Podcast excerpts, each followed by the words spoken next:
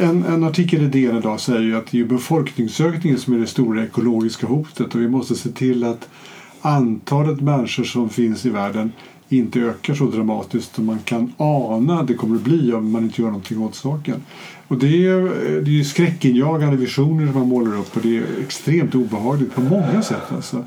Det här bara att säga att det får inte finnas fler människor, bara uttala det gör att man liksom får rysningar. Och, och vem ska säga det till vem? För att vi, alla de som säger det här, de tycker, ena, de tycker naturligtvis att de, vi, i alla fall vi i Sverige, vi tycker själva att vi lever ganska balanserat. Vår, vår, vår ökning i antalet eh, personer så säga, i Sverige under de sista decennierna det består ju mest av invandring. Vi upplåter vårt land till fler människor som kommer från andra ställen. Så vi kan ju säga att vi, vi har liksom en, en eh, stabiliserande, vi har en stabil befolkning bara.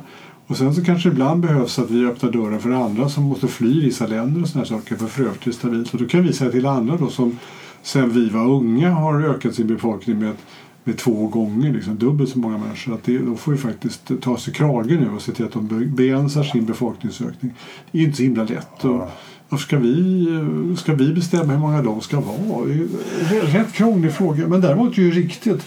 Det är klart att det är klart att det är, om man, om man säger vilken ekologisk vilken, vilken ekologiräddande åtgärd är den viktigaste just nu? Ja, men det kanske är att vi inte blir fler människor därför att varje människa kräver mat och det ska odlas en kossa för att få ge mat eller man ska åka med flygplan och släppa ut koldioxid. Massa sådana saker. Det bästa är väl att det inte blir fler.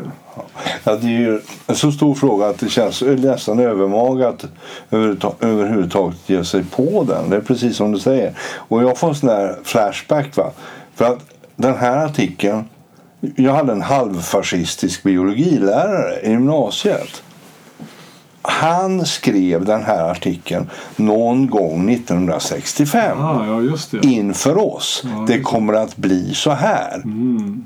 Och vi tyckte ju, alltså då var vi väl 6,5 miljarder eller 7 eller något sånt där. Ja. Och vi tyckte att han var väldigt, ska vi säga, brutal. Mm. Att, ja, halvfascistisk helt enkelt. Mm. Nu visar det sig att han hade faktiskt rätt. Det kommer att bli brister, det kommer att bli för mycket och så vidare. så vidare. Hans lösningar på det här, eh, de uttalade han aldrig. Men undertexten var väl att det var ganska drastiska lösningar. Eh, det gör ju det att, att, att ämnet som sådant känns det, det, känns svårt att angripa utan att bli elitistisk, vänster, västerländsk, rasistisk och så vidare. Mm. Och det gäller att hitta då ett balanserat sätt att hantera den här frågan. För hanterar vi inte frågan så kommer ju naturen att hantera den. För då löses frågan med hjälp av svält, krig eller pest. Och det är ju knappast humanare än att vi försöker angripa den genom FN så att säga. Nej, det är det naturligtvis inte. Jag kan inte låta bli att liksom stanna kvar i den här eh, svartmålningen eller dystermålningen. För att jag vet att det var någon, någon hjälparbetare som som sa plötsligt så här om det var Tanzania eller Kenya eller någon av de här länderna som, Sverige, som vi, vi liksom är uppvuxna med i Sverige har varit ett land som har behövt och fått mycket svensk hjälp. Några var, Etiopien kanske var, någon av de här länderna i alla fall. Och så sa man att det här, så började man, det var de äldre hjälparbetare som började ifrågasätta sina egna gärningar.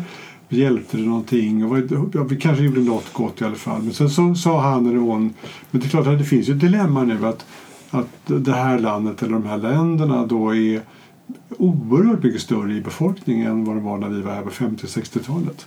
Och att det är liksom alla de hjälpinsatser och all, all den hjälp som västerlandet har gjort, gett till de här länderna har, har liksom inte gjort att länderna har så mycket bättre. De står inför minst lika svåra problem idag. De har ungdomskullar som är oerhört mycket större än tidigare och de har ett näringsliv som fortfarande inte växer i den takt som befolkningen växer. Så ja, vi har inte hunnit fram till Roslings Nej. balanspunkt Nej. att eh, utbildade människor skaffar två barn istället för sex så att säga. Nej, precis. Och då, då, då Frågan kommer den då plötsligt inträffa mm, snart? Men det är ju ett vågspel, det vet vi ju inte.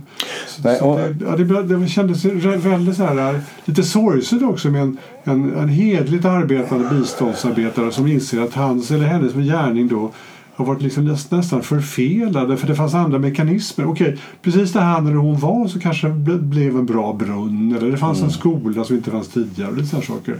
Men omkring den här befolkningstillväxten i samma land gjorde att att det snabbt åts upp de här fördelarna? Ja, nej, men det behöver man ju bara, det är bara räkna på hur många nya öppna eldar det blir i Afrika ja. för att laga mat. Alltså, det, och det är ju en enkel kalkyl men en svår fråga att hantera. Och det är klart, det, det, det är intressant att försöka börja där den här artikeln slutar. För den konstaterar ju då ett problem. Mm. Och så pekar han på ett positivt exempel som du nämnde, dessa skillnaden mellan Pakistan och Bangladesh. Mm, som visar det att en vettig regering med ett vettigt program mm. kan hantera den här frågan, mm. det vill säga Bangladesh. Mm. Medan Pakistan uppenbarligen har gett tusan i den eller kanske velat bli fler för att kunna balansera Indien. Mm. Vad vet jag. Men, men det är intressant, det är intressant vilken är det humana sättet att angripa det här? Ska FN bestämma så här att ja, svenskarna får bli 11 miljard, miljoner, punkt. Kineserna får bli 1,2 miljarder, punkt. Mm. Nigerianerna får bli 350 miljoner, punkt. Eller hur ska vi hantera det hela? Och hur ska vi klara av de religiösa utmaningarna? Jättesvårt. Det finns ju, det finns ett, stort, eh, ett stort experiment i Kina som hade en enbarnspolitik för några decennier sedan. Den lät ju ganska hårdhänt på något sätt. Jag, tror att den, och jag är inte säker på att den lever kvar. Men, men jag tror att den, den fanns i alla fall på något sätt. Den fanns och den fungerade. Och den fungerade väldigt utmärkt. För hade den inte funnits så hade ju kineserna varit 1,6 miljarder nu. Mm. Men, eller något sånt. Men det som den gjorde var ju att den skapade skavsår i samhället ja, genom att det blev för mycket pojkar. Ja. Och det är ju därför kinesiska regeringen har lättat på ja. den. Så, så att den nu gäller den eh, i princip men inte reellt så att säga. Man har en känsla av att Indien har haft några mer också ganska, eh, vad ska man säga, ganska grova program där man mer eller mindre tvångssteriliserade män då framförallt från de, de, de lägre kasterna eller från de fattigare mm. klasserna. Det var inte, lät inte heller som någon, någon bra lösning på något sätt. Va?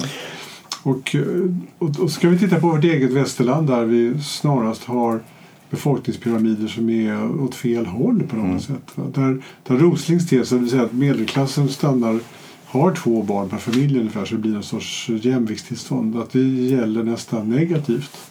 Ja, alltså hos oss, vi har ju problemet vem ska ta hand om våra åldringar? Ja. Och vi börjar eh, prata om att vi ska robotisera åldringsvården. Mm. var ju senast idag på radio. Mm. Alltså, och det är klart att, att eh, den, den, ska vi säga, konstruktiva lösningen på det, det är att fortsätta eh, det som vi har haft som politik de senaste åren.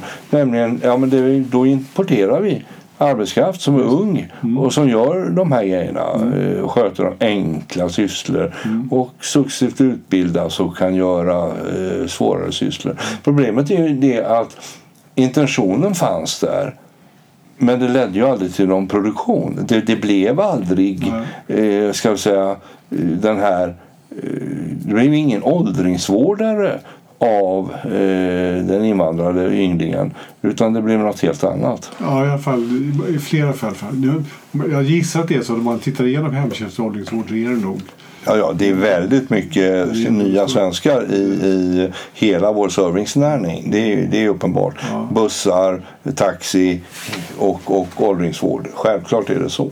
Men, men det är riktigt att, att det finns andra dilemman med invandringen som gör att det, det, blir inte ingen, det är inte lösningen på det där egentligen. Ja, ja men eh, hur ska man se på det här? Den, den stora optimisten har ju hittills varit Rosling som nu, nu är avliden så han kan inte ropa längre om det här. Men han, det lät i alla fall som han själv trodde på att det kommer att bli så att när, he, när världens alla fattiga länder blir medelklassländer så kommer det här böja av.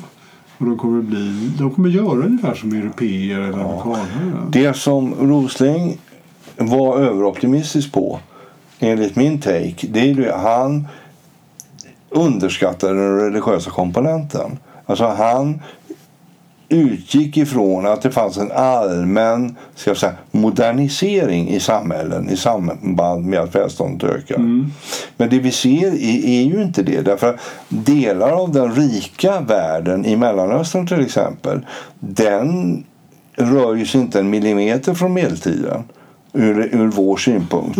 Utan den, den bestämmer ju... Alltså om man tittar nu, senast igår var det på tv om Saudiarabiens investeringar i det kristna landet Etiopien som ju är ett gott ja. exempel på god utveckling i Afrika ja, ja. för att försöka återföra Etiopien till någon slags medeltid.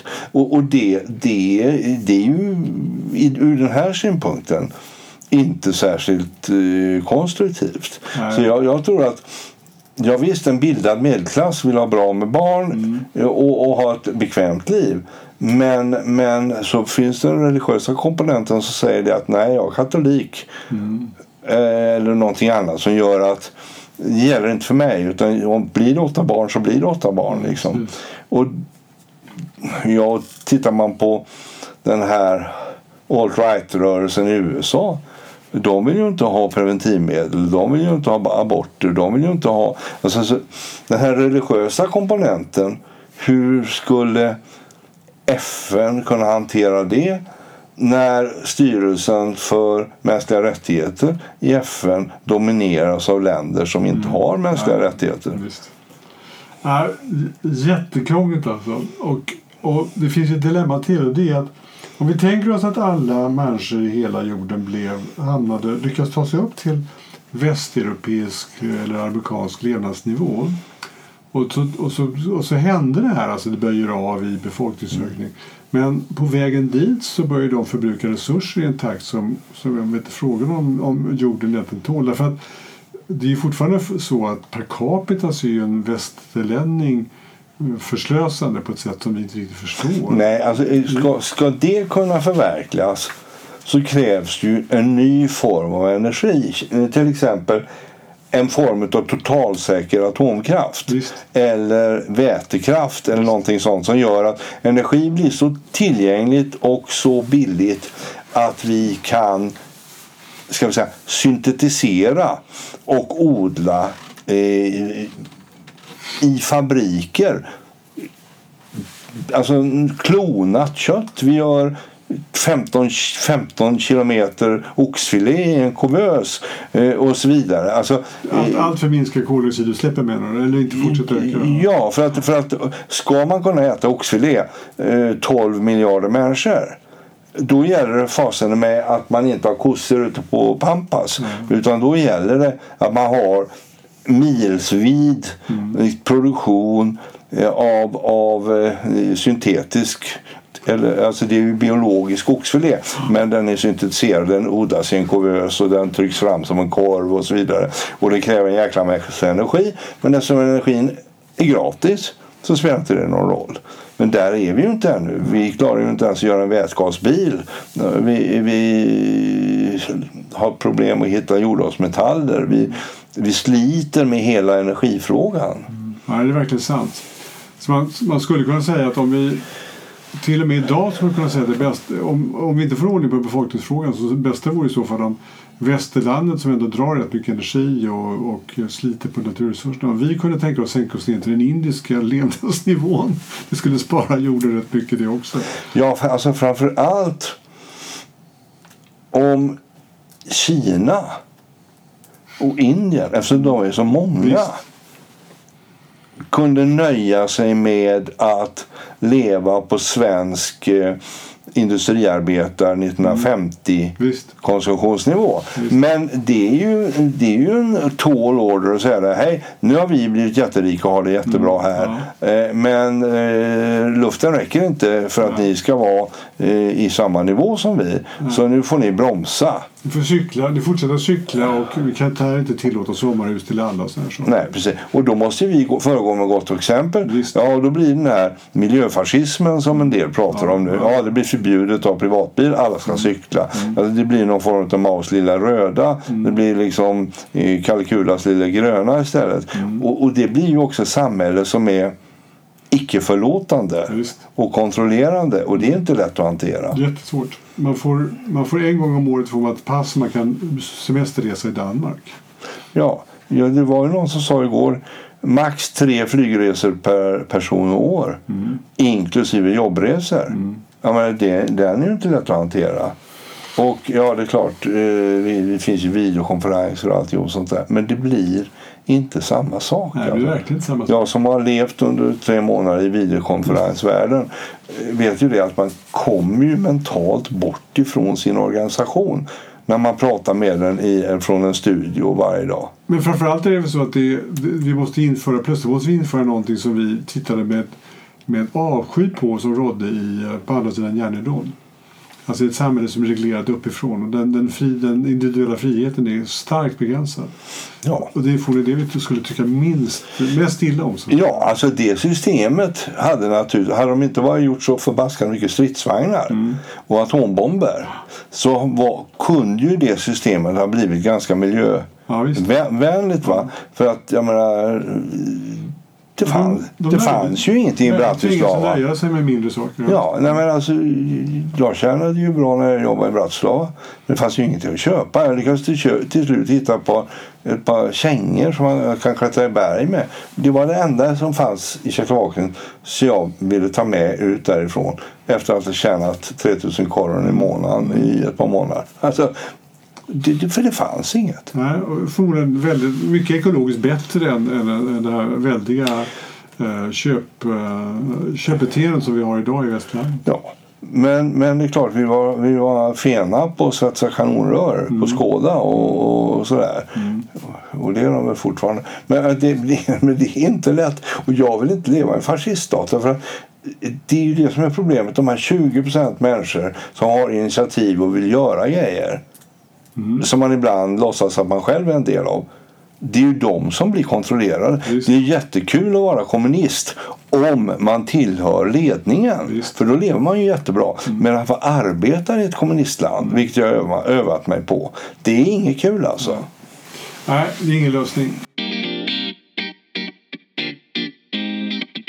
Man kan inte låta bli att ta upp det där som du nämnde. Kommer, är det så att biologin ser ut så att om en dag så utbryter det plötsligt en farsot som vi plötsligt inte kan bemästra. Alltså, finns det kvar Finns den situationen kvar för människan? Att det, det dyker upp en bakterie eller ett virus eller en blandning som, som den vanliga medicinska vetenskapen inte rår på så att den plötsligt har ihjäl väldigt stora delar av befolkningen. Typ just digerdöden eller, eller ja, någon av de andra farsoterna som vi har hört om. Liksom, halva Europa dog och såna här saker. Alltså jag, det är klart att det kan hända men ibland tror jag att läkarvetenskapen är på en nivå som gör att man kommer så snabbt sätta in, man kommer så snabbt kasta sig över den här eh, mikroben i laboratorierna och så kommer man liksom leta reda på någonting och sen så blir det hävt. Va? Så det, den risken är förhållandevis liten. Men, jag, men det är nästan så att det är en filosofisk fråga. Jag är inte riktigt säker på vad jag ska tro själv. Nej, alltså, med mina begränsade fysiologiska kunskaper skulle jag kunna säga så här att nej, digerdöden tror jag inte. Därför att det är en bacill och, och där har vi ändå så pass gott koll. Även om vi har antibiotikaresistens och så vidare så har vi förmåga att hitta svagheterna hos de här ganska stora mikroberna ganska snabbt. Så att det, det tror jag inte på. Eh, snabbt föränderliga virus och sånt som ebola. Möjligen.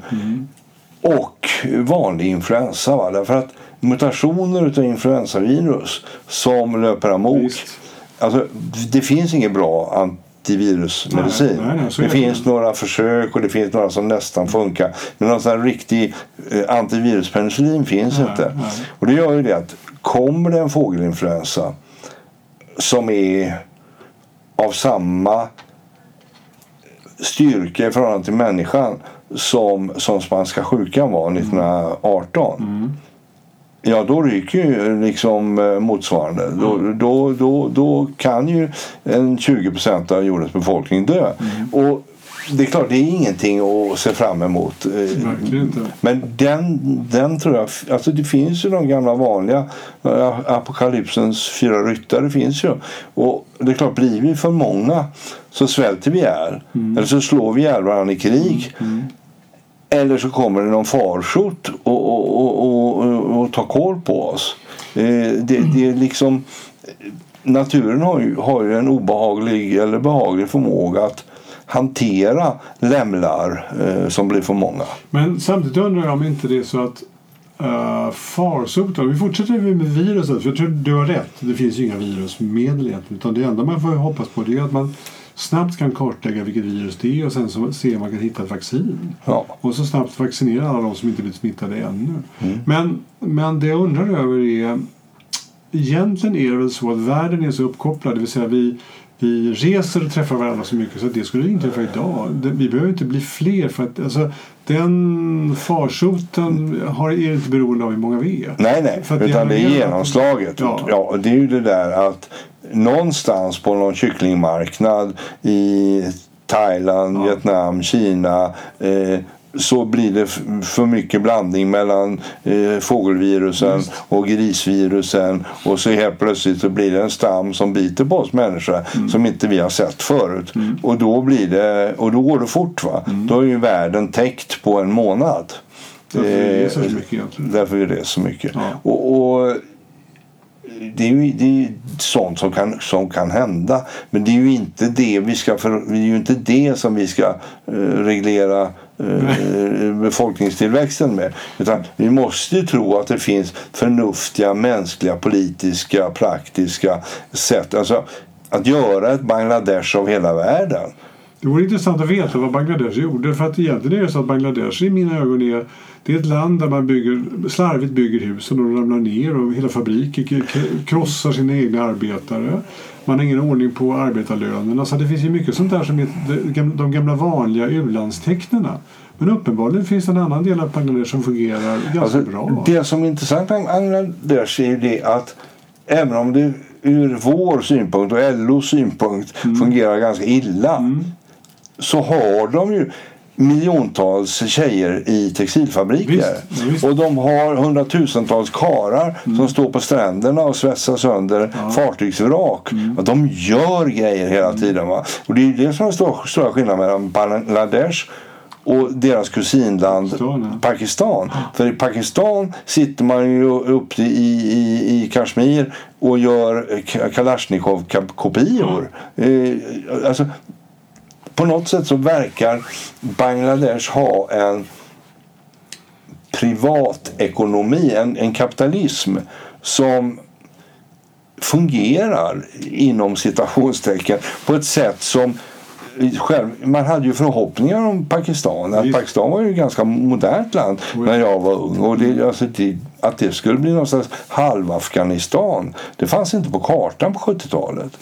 Nej, det är konstigt. Jag undrar, kan det vara så att den USA-stödda militären i Pakistan egentligen misskött landet och ägnat sig åt militära, militära saker, om man får kalla det så, och inte utveckla sitt land? Ja, det, det, det tror jag. Jag läste en väldigt intressant artikel om en amerikansk officer häromdagen om kulturskillnader i arméer. Mm. Och nu är väl den färgad av att han är amerikan. Men han hade ändå 30 år som utbildare utav arméer i Mellanöstern och, och i Asien. Och det, de interiörer han beskriver visar ju på kulturskillnader. Som om de genomsyrar de här samhällena så är de totalt kontraproduktiva. Det är alltså inte bara religionen som håller folk tillbaka utan det är det här att alltså, man sitter, en grupp officerare där tältet har blåst bort därför att det är sandstorm, sitter hellre på sina officerslådor och låter det blåsa än de förnedrar sig till att försöka sätta upp ett tält. För det kan ju deras soldater se att de jobbar med händerna. Alltså, Ja, alltså den typen av jättekonstiga int- interiörer. Sant eller falskt, men, men den här killen som har skrivit den här artikeln han, han hade framförallt väldigt bra beskrivningar utav hur klassystemet i Egypten fungerar. Och, och det var inte att, att leka med alltså. Och du menar att även Pakistan ska lida av sådana såna saker? Ja, de har ju, dels har de klaner, dels har de eh, befolkningsgrupper och så har de religionen. Och, alltså, det, det, en stor del av Pakistans befolkning kan ju Koranen utan till.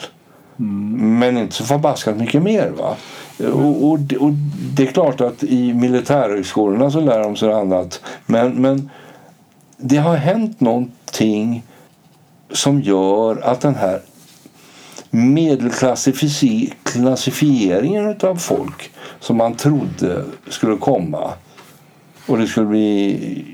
Den har liksom inte hänt. Utan eh, det, det är någon form av om det är religionen eller vad det är som håller, håller tillbaka delar av världen. Alltså mellan eh, USA, delar av Sydamerika, delar av Afrika, delar av Asien. Inte på väg in i 2000-talet utan är nöjda med 1500-talet. Då, då blir exemplet Bangladesh ännu, ännu mer egendomligt egentligen. Ja, ännu mer spännande för Bangladesh är ju också ja. muslimskt ja. Och, och det går alltså ja, vad, men det, det är jätteintressant. Någon forskare borde verkligen sätta tänderna i det. Mm. Vad är det som gör att Bangladesh kan hantera sin befolkningstillväxt medan mm. Pakistan inte kan det? Mm. Och det var faktiskt samma land mm. en, en gång i tiden.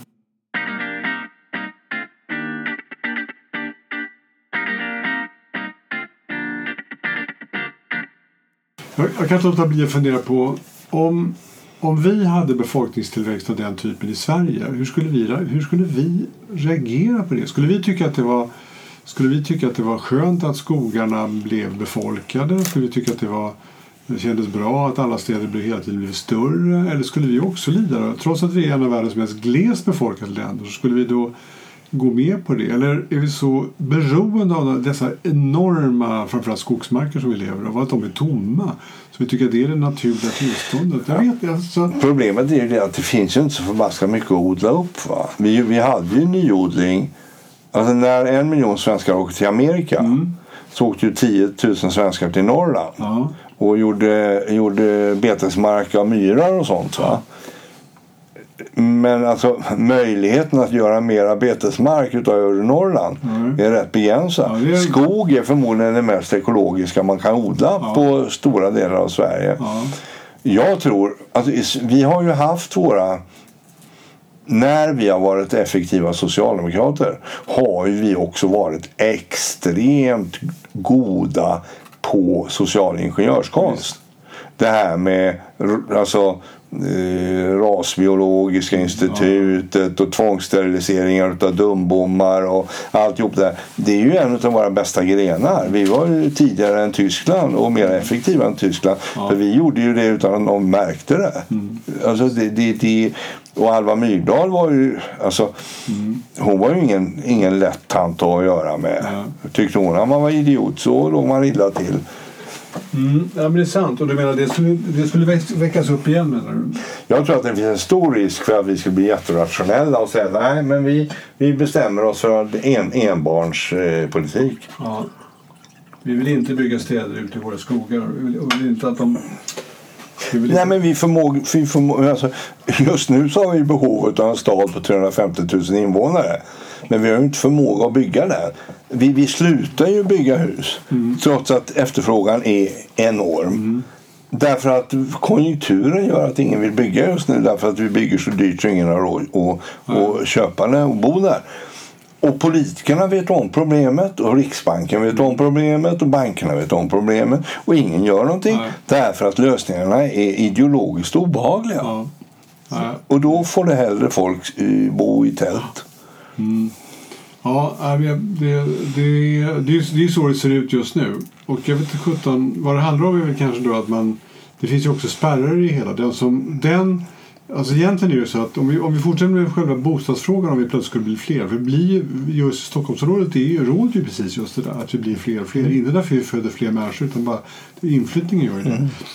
Och det som spärrar oss här det är ju det att vi har en hyresreglering. Därför det är ju det är ett drömläge för den som vill spekulera i hyresfastigheter. Egentligen. Mm. Enorm efterfrågan, enorm inflyttning. Och bostäder det tillhör liksom de absoluta basvarorna. Den är ju hur konjunkturokänslig som helst.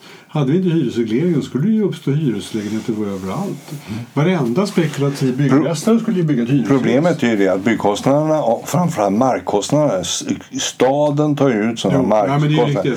Så, så att det är klart att för att det här ska bli rimligt, ja, då måste vi ha modulhus mm. som vi bygger för 12 000 spänn kvadraten. Vi måste ha markpriser som är låga och vi måste ha, ha marktilldelning. Men det är nästan så att jag tror att om man, om man tänker sig en situation där vi hade att det var fri marknad så tror jag på något sätt att det här skulle lösa sig. Inte, inte lösa sig men det skulle uppstå förhandlingar av en typ som är, som är oerhört mycket mer, ibland hårdhänta och ibland mera eh, så att säga, intensiva än vad de är idag.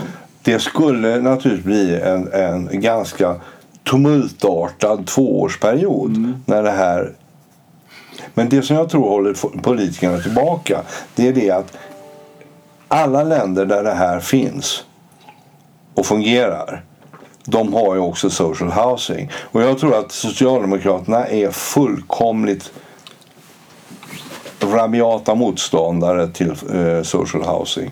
De vill inte ha högsubventionerade eh, områden. Mm bostadsbidrag och så vidare, alla bonheur. Ja. Men att bygga ja, det. det. här som finns utanför Paris, utanför London och så. Alltså där man bygger.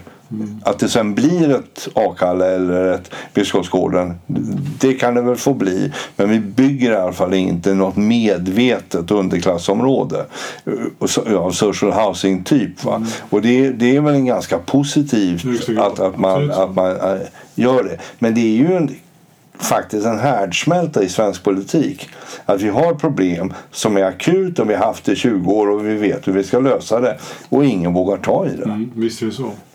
Ja, men med detta så är det ändå så att i Sverige skulle vi hamna i, i um, oerhört dilemma om det var så att befolkningsökningen skedde här och inte i Pakistan eller Nigeria eller någon, ja. Tanzania eller någon av de andra länderna. Ja. Men eh, alltså, om vi går tillbaka till den här artikeln i DN. De har de pekar på problemen och gör det ganska grundligt. Analysen är ganska vettig och rimlig. De har tyvärr inte så mycket att säga vad man ska göra. De uppmanar den svenska regeringen att delta i samtal mellan, om man minns rätt, Europa eller i alla fall västlandet och de eh, afrikanska staterna. Och det låter ju vettigt. Frågan är hur de ska lägga fram det. Jo, men eh, alltså, om jag nu vore eh, eh chef för eh, Centralafrikanska republiken och säger, ja men här kommer ni och kommer. Mm. Uh, varför ska vi Precis. minska? Precis. Uh, vill ni inte att vi ska bli fler svarta eller vad är det? Är det rasism på G? Alltså, det vore min ryggmärgsreaktion. Och, och, och, det gör ju att det är så svårt. Och så är det någon annan kusin som sitter och chef för något annat land. Så, ah, men jag är ju katolik.